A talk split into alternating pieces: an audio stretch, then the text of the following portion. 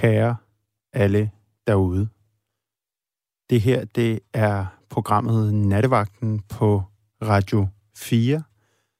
Jeg hedder David Vestergaard, og jeg er med meget kort varsel trådt til for Keith Thomas Lose, der skulle være vært i nat. Keith kunne desværre ikke komme. Han er blevet syg. Sådan er det. Jeg fik en sms for et øjeblik siden. Nu skal jeg lige finde den. Den lyder sådan her. Du er født i et historisk år, mener jeg. 93 var der, hvor det danske politi skød ca. 118 skud mod den danske befolkning. Jeg mener også, det var 93, hvor et får blev klonet og kom til at hedde Dolly. Med venlig hilsen, Tune. Og Tune, det er jo dig, der har skrevet den sms. Det kan jeg ikke rigtig løbe fra. Hej. Hej. Hej. Hej. Tune, det er jo sjovt, du skrev det her blandt andet med Dolly. Jo. Fordi det, det, altså det må jeg indrømme, det havde jeg faktisk lidt glemt. Men det var jo, ja. det var da en ret stor ting, da det skete, var det ikke det?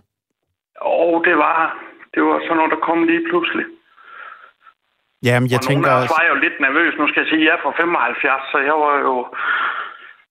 Ja, jeg var jo nok omkring din alder, lidt yngre end det, så det var lidt vildt jo. Du tænkte, nu kommer, nu kommer der snart en klon her af Arnold Schwarzenegger og overtager øh, hele Ja, hvor langt skidtet. er der fra, man kan gøre fra dyr og så til mennesker, ikke? Den er meget naturlig, jeg tænkte Ja, jo. det er klart. Ja. ja men øh, jeg har ikke hørt om, det er sket, så det er da nok meget godt. Lidt endnu. Lad, lad os nu se. Det kan jo stadig, øh, det kan jo stadig nås. Ja, ja. Tune, hvad hedder, du skrev jo også det her med, at det var det år, hvor politiet skød 118 skud mod... ja, jeg mener, det var lige der omkring. Hvad, vil du ikke lige fortælle, hvad det gik ud på? Fordi det siger mig faktisk umiddelbart ikke noget. Øh, jo, men det var afstemning om øh, EU, Ja, og så sagde det befolkningen kan, sgu, nej. det, det kan sgu også sætte folks pisse EU. Ja, det kan det. Og så lavede de den svinestreg, at så fordi de ville have, at det skulle være et ja, så kort efter, så lavede de så ligesom en afstemning en gang mere, og så blev de lige over på den modsatte side, sådan at det kom igennem, og så var der altså simpelthen bare nogen, der gik amok. Altså nogle... Øh, demonstranter, folk gik på gaden fuldstændig, altså meget mere end nu med det her øh, Black Lives Matter og så alt muligt. Okay. Altså, de smadrer ting fuldstændig. Og så var For, det noget med, fordi så at de man ikke noget- vil være med i... Det må Ja, så have været... Var det jeg ikke i EF på det tidspunkt? Jo, det tror jeg. Det kan godt være, det var lige der, hvor det skiftede. Øh, fordi man mente, det var så meget imod demokrati. Altså, det var snyd og svindel.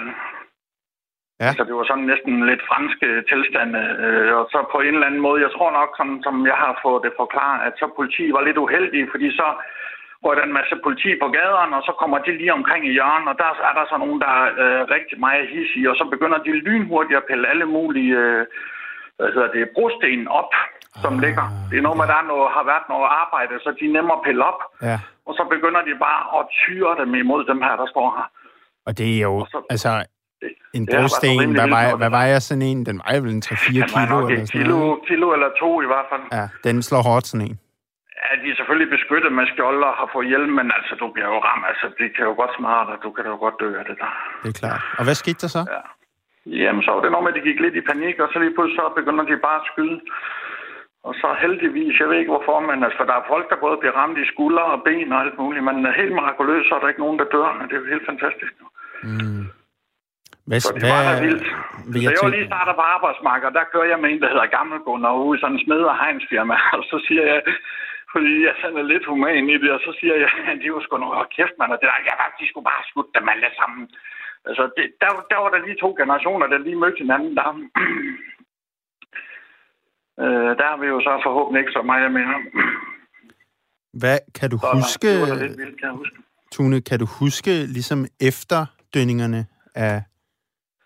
Altså, hvad, hvad, hvad skete der i medierne? Hvad skete der i befolkningen efter de... Altså, 118 skud, det er, Ja. det er en del. Det er det da.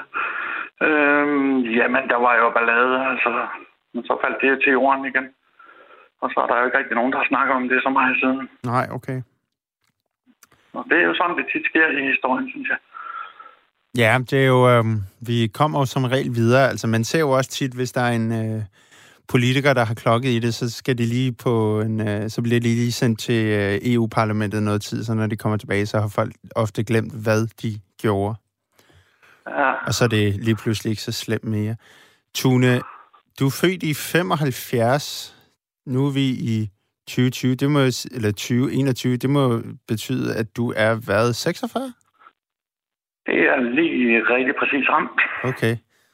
Så har du jo været i live under Sovjetunionen, eksempelvis. ja. Gamle dreng.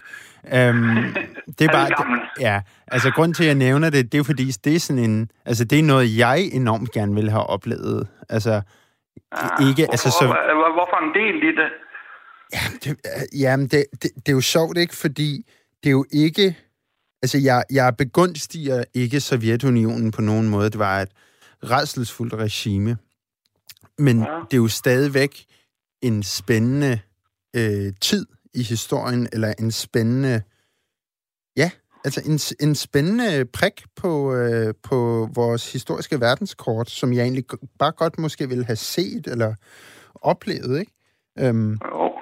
er der noget, som, som du har tænkt, ej, det kunne, det kunne samme være fedt, hvis jeg var til stede der, eller prøvede at besøge, det ved jeg ikke, Inka-ride, imens det var, eller ja, sådan noget. Nå, hvor der var et historisk sted. Ja. Ja, sted, Nej. eller mm, have været, øh, have været ved bevidsthed under Pol Pots regime, eller et eller andet. Hvad siger man? jeg prøver at undgå de der redselsregimer og det. Ja. øh, så det vil jeg helst ikke være en del af. Nej, det kan, jeg- det kan jeg dog godt forstå. Øh, øh, ligesom jeg nok heller ikke vil være en af dem der, der stod der, og der blev fyret 118 skud afsted efter mig. Nej. Men altså, men, øh, men altså, så, øh, så man, altså, jeg er jo sådan en, der siger, at verden vil lave på handling. Altså, jeg, jeg tror jo ikke så meget på politikersnak. Nej. Øh, fordi ting skal ligesom laves. Det det, skal, det er ikke altid nok noget i medierne eller noget. Der er jo ligesom nogen, der skal rejse op, og så skal tingene jo ligesom gøres. Jo. Mm, klart. Og hvis, der, og hvis der er nogen, der siger nej, jamen, så er der nogle andre, der siger ja, hvad vil de så? Altså, det ender jo i ballade altid alligevel. Nu kan vi jo se, hvordan det er sket igen med Israel og Palæstina for Gud ved, ved hvilken gang. Ja. Hvad tænker du om det? Altså, jeg synes godt nok, der er, det lyder jeg i har- medierne, jeg som har om der bliver saberne. jo. Øh, men jeg tror godt, det kan blive alvorligt også den her gang. Ja, altså, jeg har- synes... De har jo allerede fortalt, at øh, Israel rykker hele lortet ned til grænsen. Ja. Ja, Det har de jo sagt. jamen, der de bliver virkelig retslet med sablerne den her gang. Ja, ja, Det må man sige.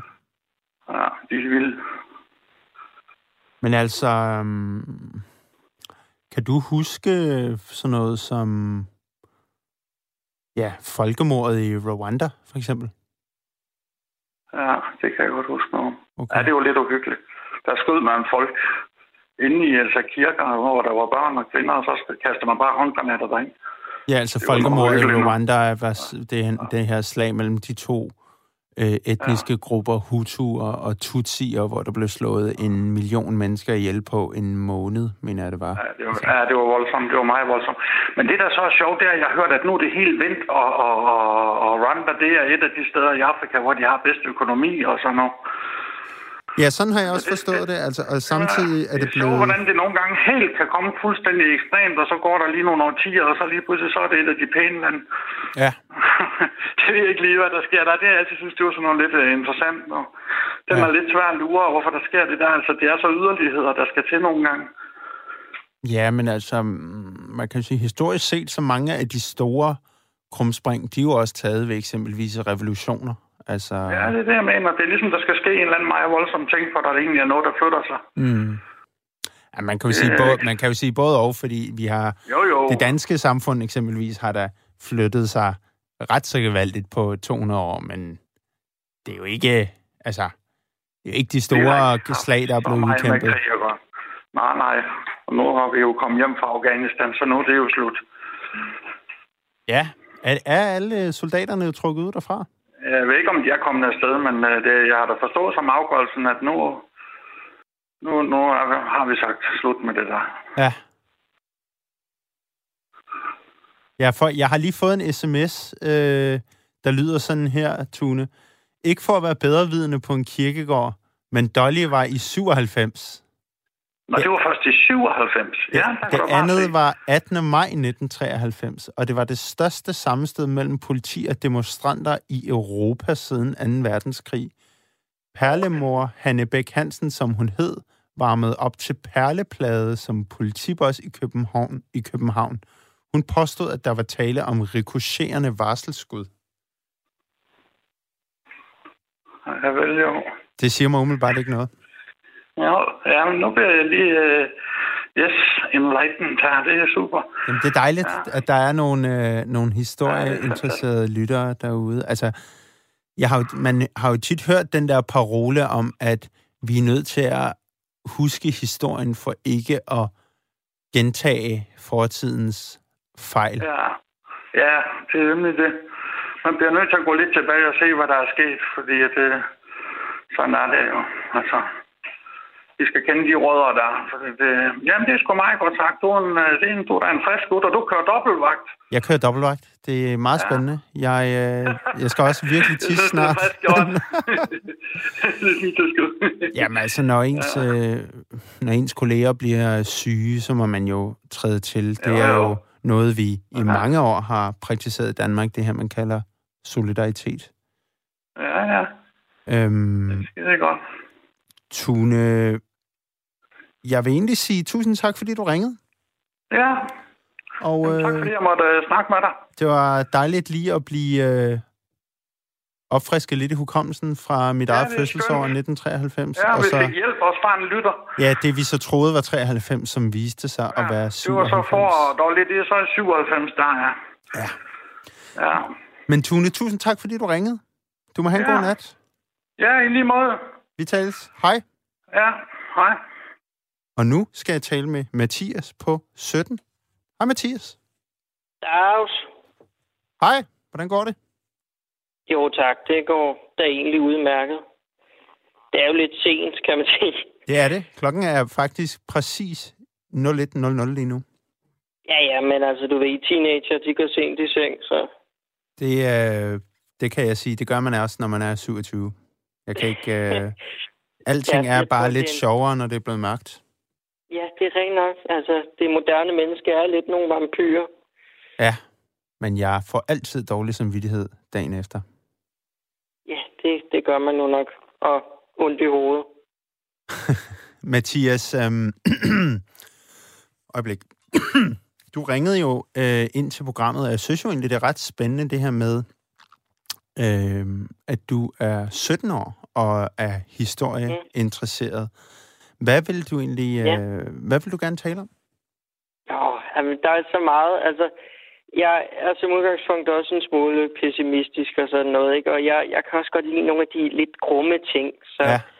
men, men som udgangspunkt, jeg, jeg kunne virkelig godt øh, tænke mig, og øh, jeg, jeg ved ikke hvorfor, men jeg har altid godt kunne tænke mig at se jeg kan huske, da Radio 24 eksisterede, og Kirsten Birgit, hun havde den her tur rundt i Europa, ja. og hun så snakkede om øhm, Triumf øh, des øh, Villes, ikke? den her propagandafilm fra 35, ikke? Og der snakkede hun om, at, øh, at de her øh, tyske øh, øh, unge mennesker gik ind med de her store faner ind gennem, øh, ind, ind gennem Berlin, ikke? Nej, i, i Nürnberg. Og, ja. og lige den der scene der, den der fuldstændig bizarre blanding af, af, af, af nationalfølelse og, og, og den der hysteriske, distrikte opstilling og sådan noget, det kunne jeg virkelig godt tænke mig at opleve. Ikke? Ja, klar. Nu har man set filmen, men, men bare stå der. Jeg, skal lige, jeg er lige nødt til at forstå, Mathias, den her film, vil du ikke lige forklare lytterne, hvad, er, hvad handler den om? Hvad er det? Jo, øhm, Triumf det Vildes, venlige, du skal da lige have den rigtige beskrivelse her. Jeg vil hellere høre den fra din mund ja, end oplæst. Jo, men det er helt sikkert. Jo, Triumf det Vildes, det er en uh, propagandafilm fra 35 af, af Riefenstahl, ikke? Og den handler sådan generelt set om... Og uh, Riefenstahl, han er den her store tyske... Øh, det hed vel en ja, cinematograf en, øh, dengang, var det ikke det? Jo, jo, hun, det, det, det er faktisk Bertha uh, Helena uh, Amalie Leni Riefenstahl. Det er en kvinde. Det er en kvinde? Nå, det vidste jeg ikke. Ja, det var. Ja, og det interessante ved hende er jo, at efter krigen, der blev hun øh, mere eller mindre forbudt at lave noget, selvom hun har haft ret stor betydning for øh, film øh, sådan helt generelt, ikke? Og måden, man filmer på, og dokumentarfilm, ikke? Ja. Hun er faktisk ret accepteret, også øh, øh, hvis man ser helt bort fra indholdet af filmen, den måde, hun filmer på, hendes eksperimenteren med elementer og sådan noget, ikke? Altså, det, hun er meget accepteret, også af eftertiden. Og altså, hvorfor blev hun... Øh, hvorfor blev hun set ned på efterkrigen? Var det så, fordi hun lavede de her propagandafilm for ja. det tyske rige? Ja, det interessante er, at hun blev også af mange anset øh, som både for at være en nazist, men også at være personlige venner med både Goebbels og Hitler. Det var jo ikke så godt, kan man sige. Josef Goebbels, der var propagandaminister i Nazi-Tyskland. Ja. Okay. Nå, fortsæt. Nu, nu kom vi lidt ud af en uh, tråd, men for, fortæl ja, ja. lige lidt mere om den film der. Ja, øhm, men øh, sådan helt gener- øh, generelt set, så handler den jo som set bare om at, at fremstille Tyskland på den mest øh, romantiserede måde. Den, den starter jo med Hitler, der kommer ned i sådan en, en, en, en tremotoriseret flyvemaskine, sådan en Junker Show 52, og han bliver så taget imod af folkets hyldest, og så, øh, så bygger den ligesom på det, og, og, og man ser en masse unge mennesker, der står, der er en masse paradesituationer, og nogle ritualer, der er ikke helt er til at forstå, hvad det egentlig er, de laver, ikke? og der er en masse mantra, der bliver sagt og lignende. Ikke? Aha det er egentlig en ret mystisk film, og den øh, har også lagt grundlag for en hel masse... Ja, altså, der er lavet en fantastisk øh, Rammstein-sang ikke, med clips fra, fra den øh, film og sådan, ikke? Og hvad var, hvad var øh, hvad kan man sige, formålet med den her film? Ja, men den var jo både... Øh, det var jo ligesom... Øh, altså, den var jo også baseret på... Øh, den, den, det var lige øh, før de olympiske lege og sådan noget, ikke? Og den ah, havde egentlig... De olympiske lege i 36, som blev ja. holdt i Tyskland? Ja, præcis. Og det, det, altså, det var lidt samme formål, ikke? Fremstille Tyskland som den her moderne nation, der samlede... Øh, samlede befolkningen og, og, og styrkede den i det her nye øh, folkefællesskab. Ikke? Ja. Og den må jo siges også have gjort det, fordi det har jo vist sig at være en... Altså, når man snakker propagandafilm, så kommer Triumf des Vildes tit frem. Og, øh, og den, den har virkelig også haft en betydning, og jeg ved ikke hvorfor, men jeg har bare altid været en smule fascineret af, af lige præcis de der situationer i de der klip. Men altså, det er jo ikke det eneste, jeg gerne vil have oplevet. Nej, nej, nej, nej, nej, nej. Der, vi er, Mathis, vi har masser af tid. Vi har masser af tid. Jeg skal bare lige hurtigt høre dig. Mathis, du er 17 år, er det rigtigt? Ja, ja, det er rigtigt. Øhm, og jeg kan jo høre, at du er jo enormt øh, lært omkring de her ting. Det synes jeg jo faktisk er enormt fedt. Jeg vil så bare gerne lige sige, at øh, jeg er jo en af, jeg kommer af en af de mest autoritets, øh, anti-autoritetstro øh, generationer overhovedet. Ikke? Ja. Ja, ja. Altså, vi, jeg er opfostret med digitale systemer og det ene og det andet. Og det der med, altså nu var, nu var det virkelig hyggeligt at høre både Jørgen og ham bagefter snakke. Ikke? Ja, Men jeg vil meget nødig selv sidde og, og berette om min livserfaring og lignende, fordi det har jeg absolut intet grundlag til at tale om. Ikke? Nej, nej, det er klart, det er klart. Øhm, men noget, jeg så lige kan spørge dig om, er du nørd? Ja, det er jeg da i høj grad, det må jeg sige. okay, det, nå, men altså, ja. det er faktisk lidt sjovt, fordi altså, jeg synes jo også selv, jeg er en kæmpe nørd omkring mm. historie. Jeg spiller også en masse computer og sådan noget, men altså, det er jo det noget, som jeg i hvert fald har oplevet, også i mit meget korte liv, det er jo faktisk det her, hvordan det er gået fra at være ret usekset til lige pludselig at blive at være ret sejt og være nørd, eller at ligesom at man er vildt fordybet i en eller anden ting. Altså, jeg ser det også. Det, det behøver ikke kun være sådan en ting. Altså, det kan også være, jeg har en kæreste, der strikker enormt meget, for eksempel. Ja, det gør min mor også meget. Altså, og det er jo... Øh, altså, det, det, de nørder det er jo helt vildt meget, om, om man skal bruge pin 4, eller pin 12, eller ja. ret og vrang, eller... Altså, jeg ved ikke en skid om at strikke, vel? Men, men det er ligesom blevet... Øh, det er efterhånden blevet ret sejt, det her med at være ret vidende omkring et bestemt emnesag. Og jeg tænker da også, altså, det her med, øhm, at du ved så meget om, om det her, altså det er da også ret fedt. Men, nå, hvad kunne du mere ja. tænke dig at tale om, Mathias? Nej, nej, men altså, nu, øh, nu kan man også godt sige, at, at det med at være en, være en nørd, og det med at være vidensbegærlig, altså, det er også virkelig, jeg, jeg er også, nu om dagen, der skal man jo i høj grad, nu siger jeg nu om dagen, det ved jeg jo heller ikke, skider, men altså, man skal virkelig øh, sådan selvrealisere sig selv. Altså, jeg kan huske, det er ikke så længe siden, vi havde om det i samfundsfag, ikke? det der med, at man, at øh, øh sådan Maslows pyramiden og sådan noget, man skal selvrealisere sig selv ja. og, øh, og skabe en identitet og sådan noget. Ikke? Ja, det er blevet meget populært i hvert fald. Ja, det er blevet meget populært. Så alle mennesker skal ligesom øh, definere sig selv ud fra øh, sådan tre til fire interesser, som de ligesom kan markere. Det er deres, ikke? Ja.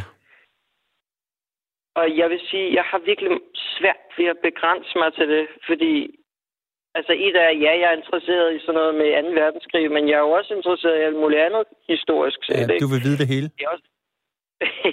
det ved jeg jo så ikke, om jeg gør, men jeg er i hvert fald interesseret i det, ikke? Ja. Ja. Jeg har lige fået en sms fra Michael, der lyder sådan her. Riefenstahl var Hitlers Erik Balling. det, det er en fantastisk sammenligning. Det kan jeg virkelig godt lide. Ja. Jamen, jeg, jeg klublå ja. også lidt, da jeg lige læste den. det er godt. Det er ja. virkelig godt beskrevet, ja. Erik Balling, der var den her meget folkelige filminstruktør, der blandt andet har instrueret alle Olsenbanden-filmene for Nordisk ja, Film. det er mange, der glemmer lidt ved Erik Balling, var, at han jo i høj grad også var et uh, politisk tænkende menneske, som jo uh, ikke sådan uh, nødvendigvis lagde sådan politiske uh, mandsmanifester uh, ind eller sådan noget på nogen måde, som der er i Triumf det Vildes.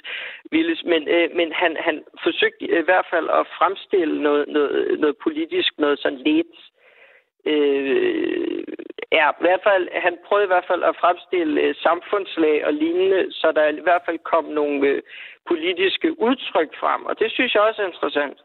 Så ja. derfor er det en god sammenligning, helt sikkert. Altså, jeg synes da også, når man tænker på sådan... Jeg er ret meget stor fan af Olsenbanden-filmen, selvom de... Også, jeg har dem alle sammen, så. Selvom øh, altså, de jo skifter jo vildt meget fra de tidlige til de senere, og det bliver også en anelse karikeret, men der er jo enormt meget af sådan noget klassekamp i sikkert. Altså, det er jo altid den her... Den lille mand imod system. Altså, ja, det er et system. Ja, ja. I, i, det er også i, det, tidligere... Und... Ikke? Og det er jo også lidt interessant. Hvad sagde du igen? Jeg siger, at det er jo også derfor, det blev så øh, populært i Østtyskland. Ikke? Og det er jo også en lidt interessant historie. Fortæl. Ja, men altså... øh, øh, altså, den blev både at, øh, sådan, øh, foreslået i Vesttyskland og Østtyskland, men den blev markant mere populær. Der var en, der var en streng censur i Østtyskland. Ikke? Ja. Men øh, de kiggede på den, og så tænkte de, det her, den lille mand mod systemet, som samtidig, øh, som samtidig ligesom er, er bunden, der når toppen på trods af, af, af sådan, øh, de, de dårlige klasser, de høje klasser, folk med mange penge, ikke? Ja, samtidig er, er øh, specielt Egon Olsen jo også enormt traditionsbunden, altså... Øh... Ja, ja, men det er jo... Ja. Altså, men, det er, jo, også med... Undskyld. Nej, nej, kom.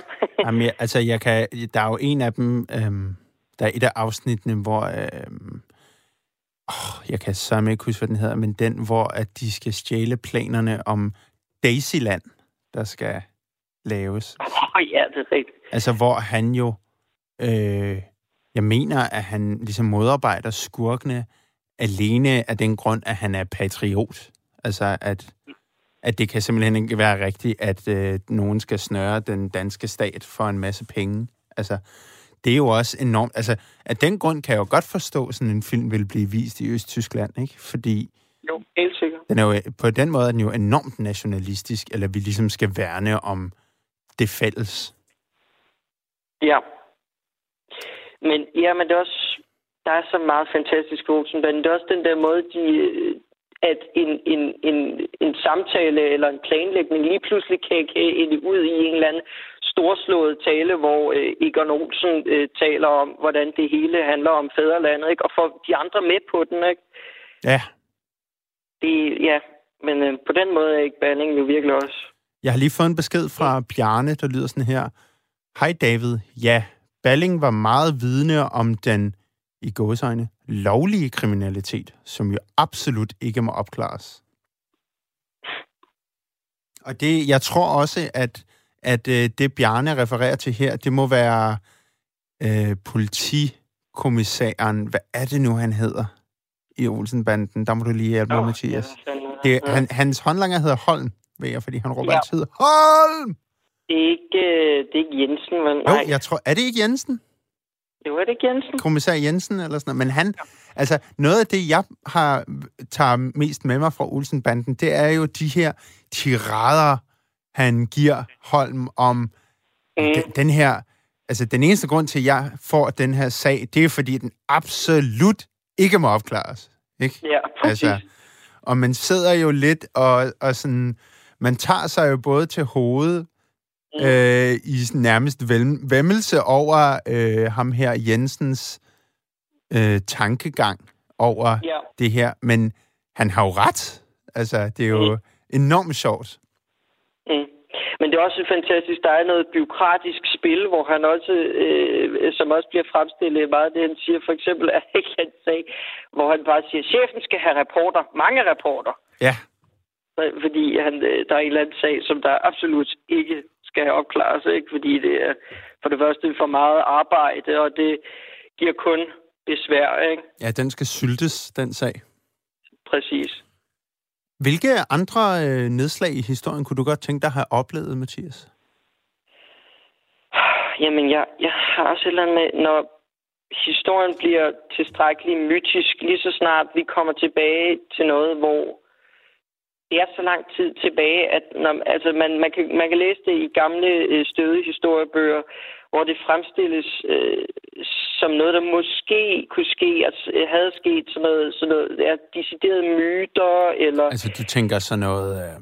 Tænker du sådan noget Bibelen, eller tænker du helt tilbage Nej. til, hvad er det nu, han hedder, den der helt gamle Gilgamesh? Jamen, det er også spændende, men jeg tror ikke, vi skal nødvendigvis så lang tid tilbage, men, men også sådan noget som... Øh, altså sådan noget med, med, med, med, med den trojanske hest og sådan noget. Ikke? Det kunne jeg godt forestille mig. Det ville jeg synes var utrolig spændende at, at, at se. Og kan Nogle du ikke, de... uh, Mathias, kan du forklare myten om den trojanske hest til de lyttere, der ikke kender den? Ikke nødvendigvis det tror jeg ikke, jeg kan. Men, men det er også derfor, det, det var, jeg er også interesseret i nogle af de områder, jeg ikke nødvendigvis ved så meget om. Og ja. den trojanske hest fascinerer mig, men jeg har ikke noget grundlag for at sige noget om det, desværre. Nej, okay, men, okay. Kan du? Øhm, ja, altså så vidt jeg har forstået, og nu må lytterne endelig korrigere mig, det kan I gøre ved at sende en sms til 1424, start jeres besked med R4. Men den trojanske hest, der var et slag mellem nogen i en borg, nogen ude for en borg, dem uden for borgen øh, viser ligesom, at de resignerer slaget, og det gør de ved at bygge en kæmpe træhest på hjul og køre den op foran porten som en gave til, hvad kan man sige, vinderne, altså forsvarerne af den her borg. Og forsvarerne, de kører så hesten ind, midt ind på gårdspladsen, og øh, det, der så sker, det er, at den her træhest, den bliver åbnet indefra, og så vælter det ud med soldater. Trojanske soldater, for det hedder jo den trojanske hest. Og så har de trojanske soldater jo lige pludselig fået overtaget, for nu er de jo inde bag muren, og så nedslagter de. Ja, man må, skulle næsten tro, at det var et andet græsk rige eller en bystat. Er det ikke meget rigtigt? Jo, det tror jeg vist. Det... Ja, men du ved, jeg vil også meget nødig sige noget om det, øh, fordi øh, det kunne jeg jo også godt have sagt, men så vil man jo lige pludselig blive rettet 10 gange, ikke? Jamen det, altså, øh, alle sådan nogle sms'er, der er sure, dem læser jeg kun op, hvis jeg har bedt om dem. Altså så, når jeg får ja. en sms lige om lidt, der siger, hov, hov, hov, det var faktisk, troj, altså den trojanske hest var jo faktisk trojanerne, der forsvarede sig. Så kan det være, at jeg læser den mm. Men altså alt det der andet med folk, der brokker sig, det, det bruger vi ikke i dag. Nej, det er jo ellers også meget, øh, på en eller anden måde meget interessant at høre. Brok er jo utrolig, øh, hvad, hvad skal man sige, det kan egentlig også være meget rart at høre. Ikke? Det kan være underholdende. Det kan det da. Det kan det da. Altså, ja, det er jo, apropos det der med Olsenbanden og ham, øh, kriminalkommissær Jensen, altså han brokker sig jo også øh, mm. i en lindstrøm. Ja. Og det gør Egon Olsen jo sådan set også. Mm. Øhm... Det er også tit, hvordan øh, den der underforståethed i, at man, man, man hører jo aldrig rigtig den anden ende af røret. Ja. Men man kan stadig godt regne ud, hvad, hvad der må være bliver sagt, ikke? Ja, selvom Jensen kun siger ja, ja, ja. Ja, ja præcis. Eller når han taler med ministeren, ikke? Jo. Og han siger, det var ministeren. ministeren. Ja, og så siger han, det var ministeren. Ja, præcis. Det ja. er så godt. Øhm, Mathias, oplever du andre på din alder, der også er sådan meget historieinteresseret, ligesom du er? Det er sjovt. Det er jo, det er jo ikke mere end nu er det jo snart et år, jeg har gået i gymnasiet og sådan noget, ikke? Og øh, jeg, jeg mødte en, en, en, en anden i min klasse. Han er også voldsomt historieinteresseret, og der må jeg virkelig sige, at på mange måder er jeg blevet voldsomt overgået. Ikke? Nå, der kom du til kors. Ja, må jeg sige. Men øh, det, det, det var voldsomt skræmmende, ikke? Fordi jeg havde været i en folkeskoleklasse, hvor jeg godt nok var blevet øh, sat lidt til side som nørden, ikke? og jeg ja. var ham med de tunge bøger og lignende. Ikke? Så kommer man i gymnasiet, og så opdager man lige pludselig, at der er andre, der har samme interesser. Det var, det var lidt spændende, synes jeg. Jamen, jeg tænker, det kan vel både være dejligt, men det kan vel også være skrækkeligt?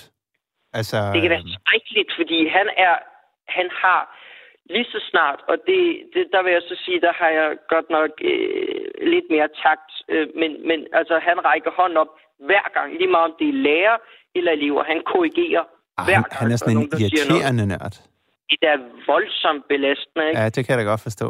Det kan så har han sådan en belærende tone. Nu skal I høre, Ej, nej, nej, nej, nej.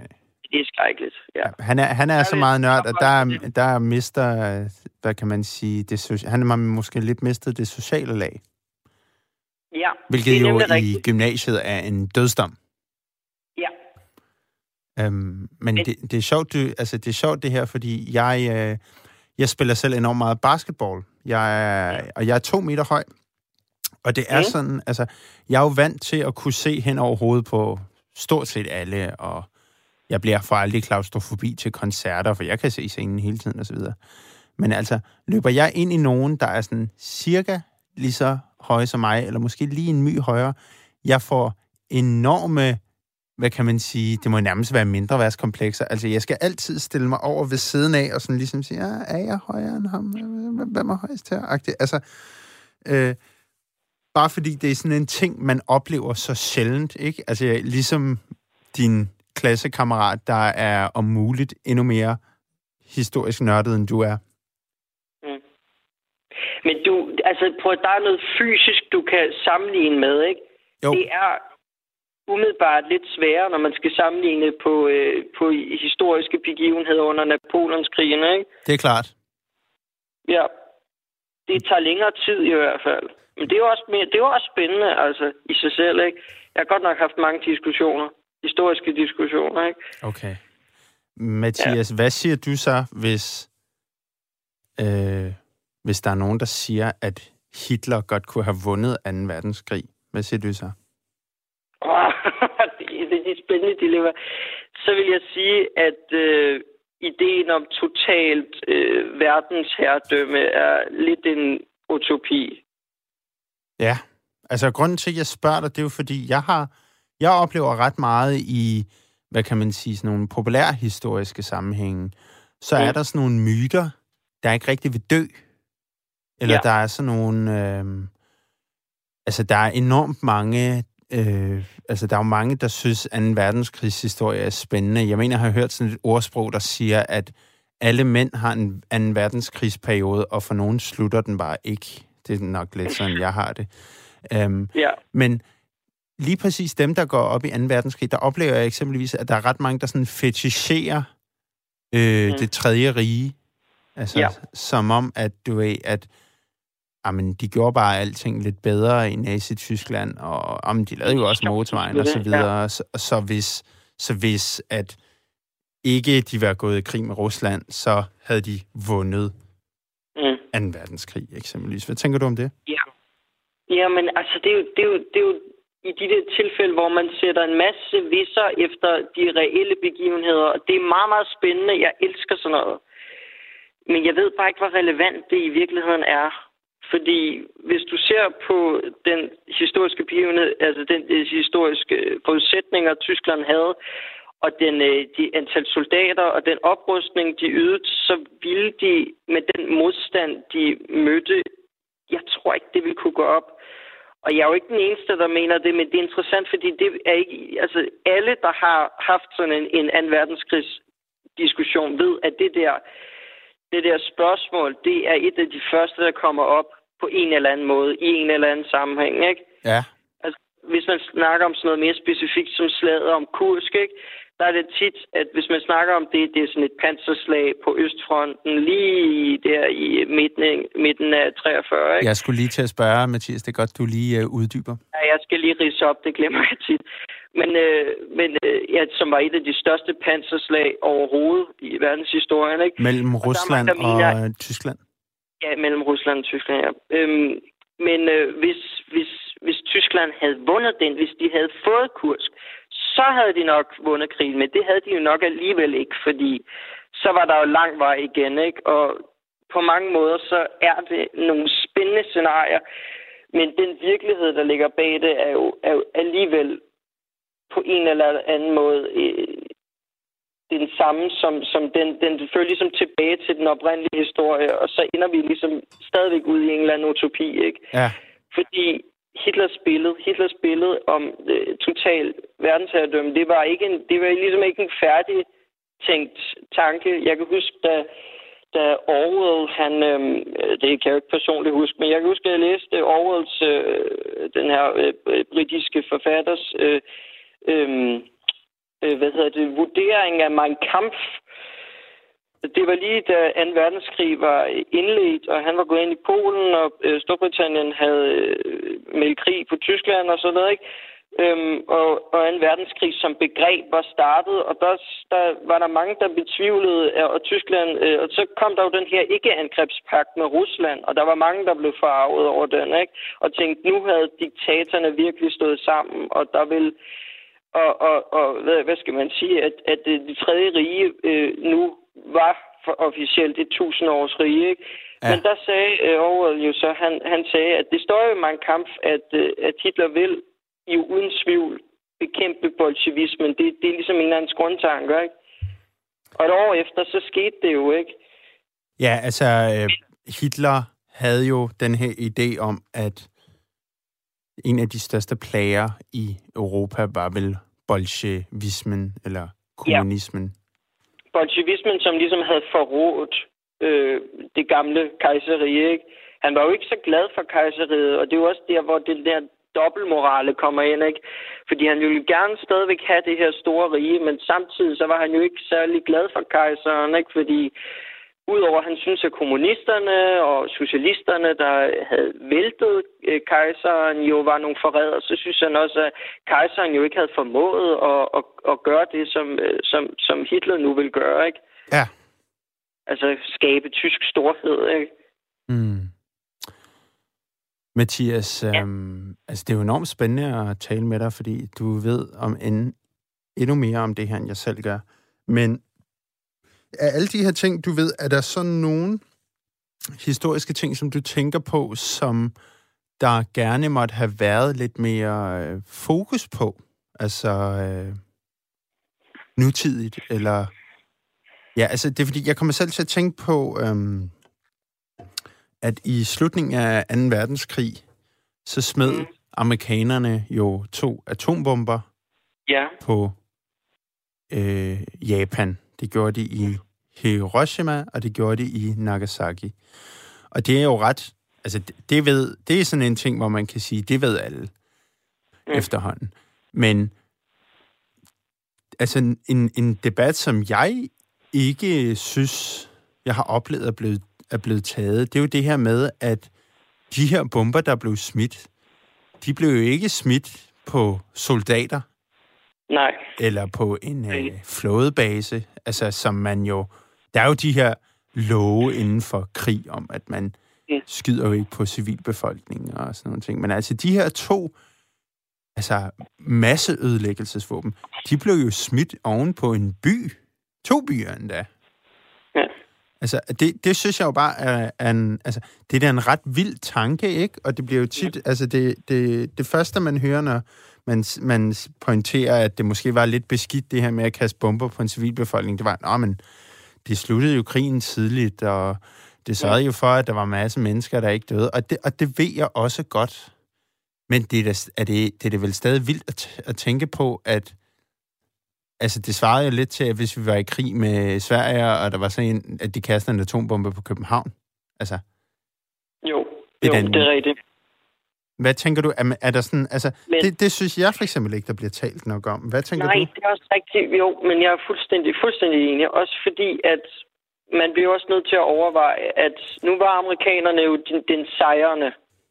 Ja. Og det der er, er jo, at de, de sejrende ligesom får lov til at stille, øh, stille, øh, opstille kriterierne for, for overgivelsen, og de får også ligesom lov til at, at bestemme spillet. Det er klart. Det er vinderne, og, øh, der skriver historien. Det er vinderne, der skriver historien. Og det, der er med det, er jo, at man kan jo ikke tale om decideret propaganda, men en eller anden form for øh, formid, formidling er i hvert fald påvirket af, at, man, at der er nogle ting, man hellere vil belyse end andre. Og det synes jeg, der er fuldstændig naturligt. Ja. Og sådan har det altid været. Og det er ligesom et af de forhold, man ligesom nok må acceptere. Men af præcis samme årsag, så synes jeg også, at noget af det vigtigste, det er netop at formidle nogle af de ting, som ikke fremstiller sejrsherren lige meget, hvor, hvor godt eller hvor lidt vi synes om dem, øh, som, som øh, de perfekte. Ikke? Vi bliver nødt til at stille de der spørgsmål. Vi bliver nødt til også at, at, også at, at formidle de der ting. Ikke? Mm. Og noget, jeg synes, der er meget interessant, det er jo sådan noget med øh, masse øh, taktisk øh, bumpning af sådan noget, det vi kalder kejlebumpning. Altså noget som de tyske byer, ikke? altså under en verdenskrig. Det må du lige forklare. 400, ja, ja, 400... Øh, jamen, åh, det, der så skal vi tilbage til 1940 hvor øh, vi havde slaget om England, ikke? Det her luftslag mellem øh, Storbritannien og Tyskland, og øh, der, der kom nogle øh, tyske bombefly, som øh, faktisk skulle øh, bombe nogle, øh, nogle, nogle vigtige strategiske, øh, altså nogle, nogle militære øh, dele, men så kom de til at ramme London. Og så startede det her Nå. løb det her, øh, øh, sådan noget, det vi, altså kejlebumpningsløb. Vi, der blev begyndt at blive smidt øh, mange bomber på civilbefolkningen, fordi øh, at britterne så øh, ligesom ville gengælde med at bombe Berlin, ikke, efter at Hermann Göring, øh, luftvarsministeren, øh, luftwaffeministeren, ligesom havde sagt, at der ikke ville falde en eneste bombe på Berlin, ikke, og så tænkte britterne, nej, det kan sgu ikke passe, og så mm. smed de nogle bomber, ikke? Og så startede det her kapløb, som britterne i høj grad øh, jo vandt med at ja, have slagtet 400.000 øh, tyske civile, ikke? Og det er jo også en af de der historier, man ikke hører så meget om, ikke? Nej, det er jo sjovt, for man hører jo en... Eller jeg har i hvert fald hørt enormt meget om det, man i England kalder The Blitz. Altså... The Blitz og, og The Baby Blitz, som ja. ligesom var efterfølgeren.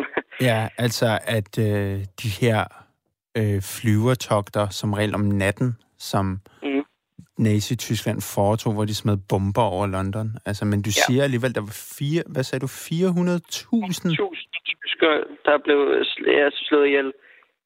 Af de her, hvad, og du kaldte dem kejlebomber?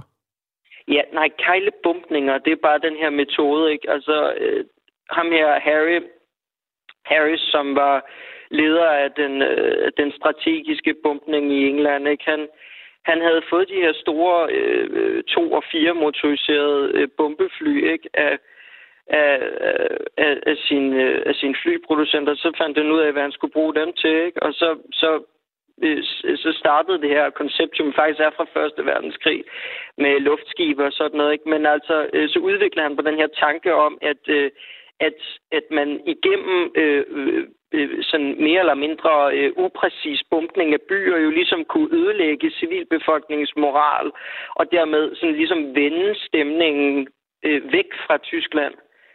Ja. Øh, Vold væk fra, fra det tredje riges øh, nazistiske øh, tanker, ikke? og sådan væk fra, fra Hitler. Det interessante er så bare, at på mange måder, så var det det modsatte, der skete. Altså, den tyske befolkning var jo, vidste jo godt, hvem det var, der smed bomberne, ikke? Og de følte, de følte sig jo ikke forrådt, eller øh, der kom, der var ikke nogen, der, der tænkte, ej, det er, også, det er også for galt, at vores egen, øh, at det tredje rige ikke kan beskytte os. De var jo bare bange for bomberne, så på den måde, så, så var der faktisk en, en, øh, en, en, jo, jo, jo flere bomber britterne smed på mange måder i hvert fald, mm. jo, jo tættere blev befolkningen på styret. Mm. Så det var et fuldstændig øh, spild af liv til ingenting. Hvor man jo kan sige, at, at atombomberne jo i den forstand var lidt mere effektive. Effektive altså, hvordan? Jamen, det, åh, det, er også, et, det er også et svært spørgsmål, ikke? Fordi at der, den, den uh, japanske befolkning stadigvæk lider under kvalerne fra, fra, uh, fra påvirkning, ikke? Altså, der, er, der har været mange generationer, der har været påvirket af de radioaktive uh, uh, dele af det, ikke? Og, og byerne er stadigvæk uh, påvirket af det på den måde. Og på den måde kan man godt sige, at der ikke er noget som helst der, uh, argument for atombomberne. Men i den forstand, at Tysklands befolkning jo jo holdt sammen, jo tættere, øh, jo øh, lige meget, hvor mange bomber britterne smed, så er 400.000 mennesker på den måde jo, øh, jo spildt liv. Det, det, det, det, det virkede jo ikke. Nej, nej, nej, klart. Altså, Rasmus, altså, jeg, jeg, stop, jeg stopper dig lige hurtigt, fordi du har fået en fan-sms her. Den lyder sådan her. Mm. Hej Rasmus. Min mor, født i 1916, oplevede bumpningen i Kiel under 2. verdenskrig, og hun havde Hitler. Med venlig hilsen, Ina. Ja. Så er der en anden, der lyder sådan her. det med bombekapløbet er en propagandahistorie. Amerikanerne, som styrede bombardementerne, vil knække den tyske kampvilje. De vandt på knockout. Hilsen. Michael. Hvad tænker du om det?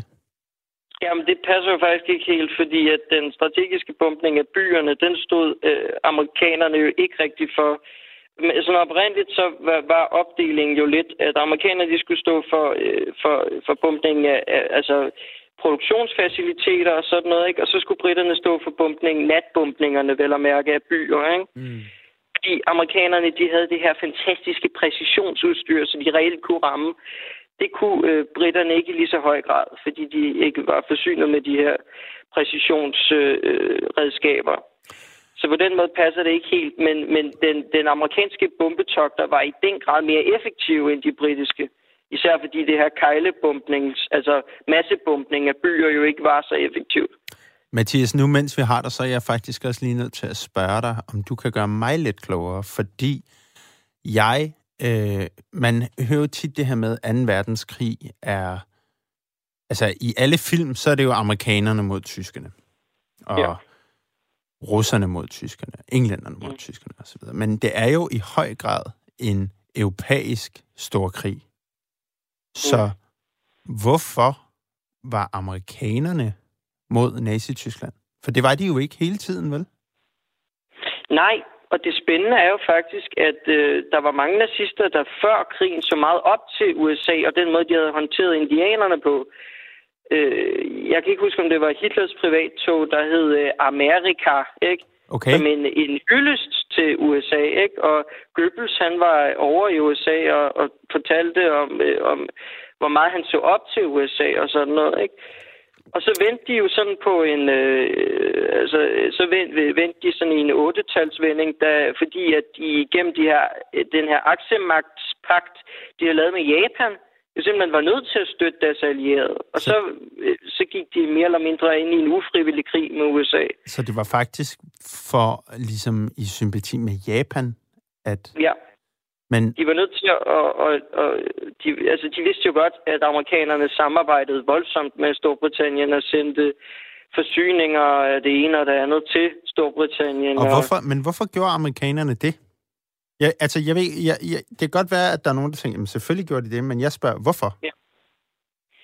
Altså, øh, da 2. verdenskrig startede, der var der ikke en voldsom stor opbakning til en ny krig, fordi altså, øh, hvad hedder det, ligesom under Første Verdenskrig, så skal der meget til at overtale amerikanerne til at gå ind i en krig, og det er måske også meget fornuftigt. Men øh, så, så oprindeligt så var amerikanerne jo neutrale. Men, men Roosevelt, øh, den amerikanske præsident, havde hele tiden været øh, indenfor, og han var, ikke særlig, han var ikke særlig glad for Hitler, lad mig sige det på den måde. Han var ikke glad for det styre, han var ikke glad for det her autoritære styre, og den her nye øh, bølge, der faktisk skete jo flere steder i Europa. Så han havde sådan grundlæggende set jo ikke haft noget imod at gå i en krig. Men han vidste jo godt, at han var jo bundet af befolkningen, som jo ikke var så glad for krig. Nej, for det er jo nemlig det, der er lidt sjovt, for man skulle ikke tro det, når man ser på USA's senere krigsførelse, men før i tiden, så USA kørte jo en ret, det man kalder en is- isolationistisk politik. Altså, det er lige det, det gjorde, ja. Det var meget, de klarede deres egne sager og blandede sig ikke i andre, er det korrekt? Ja, fuldstændig. Men det, der så skete, det var jo, at Pearl Harbor jo ligesom sat øh, fuldstændig, fuldstændig kollapsede det selvbillede, amerikanerne havde, ikke? De vidste jo godt, at, at den her krig, den var tættere på, end de lige havde regnet med. Og pludselig så var der en, øh, en, en, en folkelig vilje, i hvert fald sådan generelt set, til os at, at, at, at, at gå i krig, ikke? Og Roosevelt, han fik jo så lidt på den måde sin vilje, og så, så så gik først uh, japanerne sådan officielt i krig med, med amerikanerne, og så blev det tyskernes tur, ikke? Så uh, gjorde, uh, gik amerikanerne officielt i krig mod tyskerne og omvendt, ikke?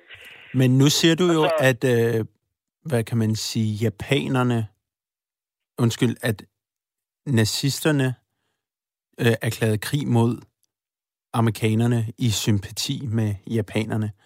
Så er jeg jo bare nødt til at spørge, hvorfor var Japan og Tyskland allierede? For de ligger jo mm. meget langt fra hinanden, både fysisk, men vel også ideologisk. Ja, det er fuldstændig rigtigt. Og faktisk så, så var der nogle helt grundlæggende, basale idéer i den måde, Japan så på sig selv, og den måde, Tyskland så på sig selv. Vi havde to autoritære styre, der kiggede på mennesket og den, den sådan ypperligste race. Japan ville gerne fostre de perfekte japanere, ikke, som jo næsten var sådan moderne samuraier, ikke? og Tyskland ville gerne de her blonde ejer. Ikke? Ja. På den måde så klassede de jo helt øh, sikkert med hinanden, men Tyskland vidste jo godt, at hvis de skulle øh, have nogle tanker om øh, det her øh, og, og få det totale verdensherredømme, som jo ligesom var den øh, basale, øh, den, den, den, den store forhåbning, de gjorde. Så, så, havde de, så kunne de ikke klare sig alene. De var nødt til at have nogen til at invadere den anden vej fra. Fordi de kunne ikke bare gå igennem Rusland, og, og på den måde havde de brug for aktiemagterne, som jo ligesom arbejdede sammen for øh, den store invasion ikke? Af, af hele verden, og den store magtovertagelse. Og på den måde, så kunne japanerne jo invadere den ene vej øh, fra igennem Mellemøsten, og Tyskland kunne invadere den anden vej fra. Aha. Ja, det var det mest effektive, og det vidste øh, Tyskland godt. Og faktisk så var japanerne og tyskerne ret glade for det samarbejde. Og helt til det sidste, så, så prioriterede Tyskland faktisk ret meget og, og, og, og vedligeholde det samarbejde. For eksempel ved at sende de sidste nye jetmotorplaner til Japan og, det lignende, og lignende ved hjælp af ubåde og sådan noget. Mathias, jeg stopper dig lige, øh, fordi jeg skal bare lige sige til alle lytterne derude, jeg er alene på vagt her på nattevagten i nat. Det vil sige, at jeg kan ikke tage telefonen, når I ringer, mens jeg taler her med Mathias. Det er bare fordi, jeg kan se, at der er nogen, der ringer nu. Så I skal vente med at ringe ind til musikken spiller, og så kan vi tage den. Undskyld, Mathias. Fortæl endelig. Nej, nej, men det, det var også det. Altså, okay. Det er derfor. Ja, sådan basically. Jamen, det er måske så et meget godt cue til at, øh, til at holde den der, tænker jeg. Mathias, ja, jeg, vil, øh, jeg vil sige tusind tak, fordi du øh, ringede ind. Det har virkelig været informativt. Jamen altså, vi kunne også godt have snakket, altså der er også alt muligt andet, jeg interesserer mig rockmusik og sådan noget, men altså nu blev det meget Pro- en verdenskrig. Programmet, programmet var kun to timer, så lad os... Øh, den, ja. må vi, den må vi tage en anden gang, Mathias. Men det er dejligt at høre, at der er nogen i en øh, alder af 17 år, som også er lige så historieinteresseret, som jeg selv er, hvis ikke mere. Jeg vil sige tusind tak, fordi du ringede, Mathias. Kan du have en, ja, øh, en god nat? Jo, tak. I lige måde. Vi tales du. Hej. Hej. Den næste lytte skal igennem, det er Jonas. Hej Jonas. Hej David. Tak fordi jeg må være med. Selvfølgelig. Ja. Det er jo public service, når det er bedst. Ja, det er dejligt. Øhm, ja, altså jeg vil sige, jeg tror, jeg vil tage et lidt andet udgangspunkt, end, øh, end hvad der er blevet snakket om indtil videre. Ja. Og, øh, og måske lidt fokusere på, øh, hvad der sker nu, og hvordan det uden tvivl vil gå hen og blive historie og blive en stor del af historien, og øh, hvordan den vil tolkes i fremtiden. Og nu gætter jeg bare, øh, men du mener coronakrisen? Lige præcis. For det er jo det, der er det, det store emne lige nu, kan man sige. Altså, det er vel det, vi vil se tilbage på om 10 år. 100 det er et fælles omdrejningspunkt for alle mennesker, kan man sige. Ja. Og derudover, selvfølgelig, nu har du nævnt 2. verdenskrig og så videre, så videre. Der findes mange ting, som mange mennesker kan, kan deles om, men, øh, men jeg tror nu et eller andet sted, at den her ting bliver en, en global ting øh, i en målestok, vi ikke har set før. Øh, lige pludselig kan du møde folk fra helt andre øh, himmelstrøg og spørge dem spørgsmålet, hvor var du? Hvad lavede du ja. under corona? Ja, altså øh, det er jo lidt sjovt, for det, det samme skete vel lidt under, altså jeg nævnte i introen det her med, at der er mange mennesker, som kan huske, hvor de var, da tvillingetårnene i New York eksempelvis mm-hmm. faldt sammen. Jeg var her og her og her. Jeg kan personligt ikke huske det, men det er jo... Altså, hvad, tænk, hvad tænker du om så det her med coronakrisen?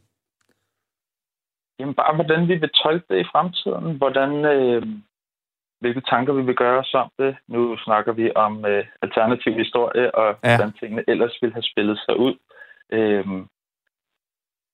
om, om vi lærer af fejl, om du vil, eller om vi tolker det som en overreaktion, eller hvordan det ligesom vil tages. Ja, øhm, ja. Det bliver interessant. Altså, jeg kan for øhm. eksempel selv huske, da lige da corona sådan rigtig kom, det var jo selvfølgelig en tragedie, og det var jo skræmmende, men jeg må også indrømme personligt, så var det jo også enormt spændende, mm-hmm. det her mhm. med at opleve, fuck mand, det er ligesom en film. Nu lukker samfundet på grund af, at der er en, en virus, ikke? Altså, der, der manglede bare lige zombierne, før det havde ja. været... Øh, før det havde været øh, fuldstændig en til en, ikke? Men, jo. altså, hvordan... Hvad, hvad, hvad tænker også, du om det?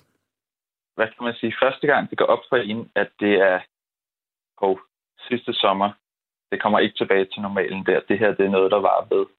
Øhm, og i den forbindelse, der, øhm, der vil jeg sige, øhm, jeg synes øh, generelt har været en, en hård tone i samfundet mod unge mennesker, som værende enten dem, der, der ligesom driver virusen, fordi det er dem, der måske har den største øh, kontaktflade og, og flest venner og, og har måske et større socialt behov, end man har, når man bliver ældre.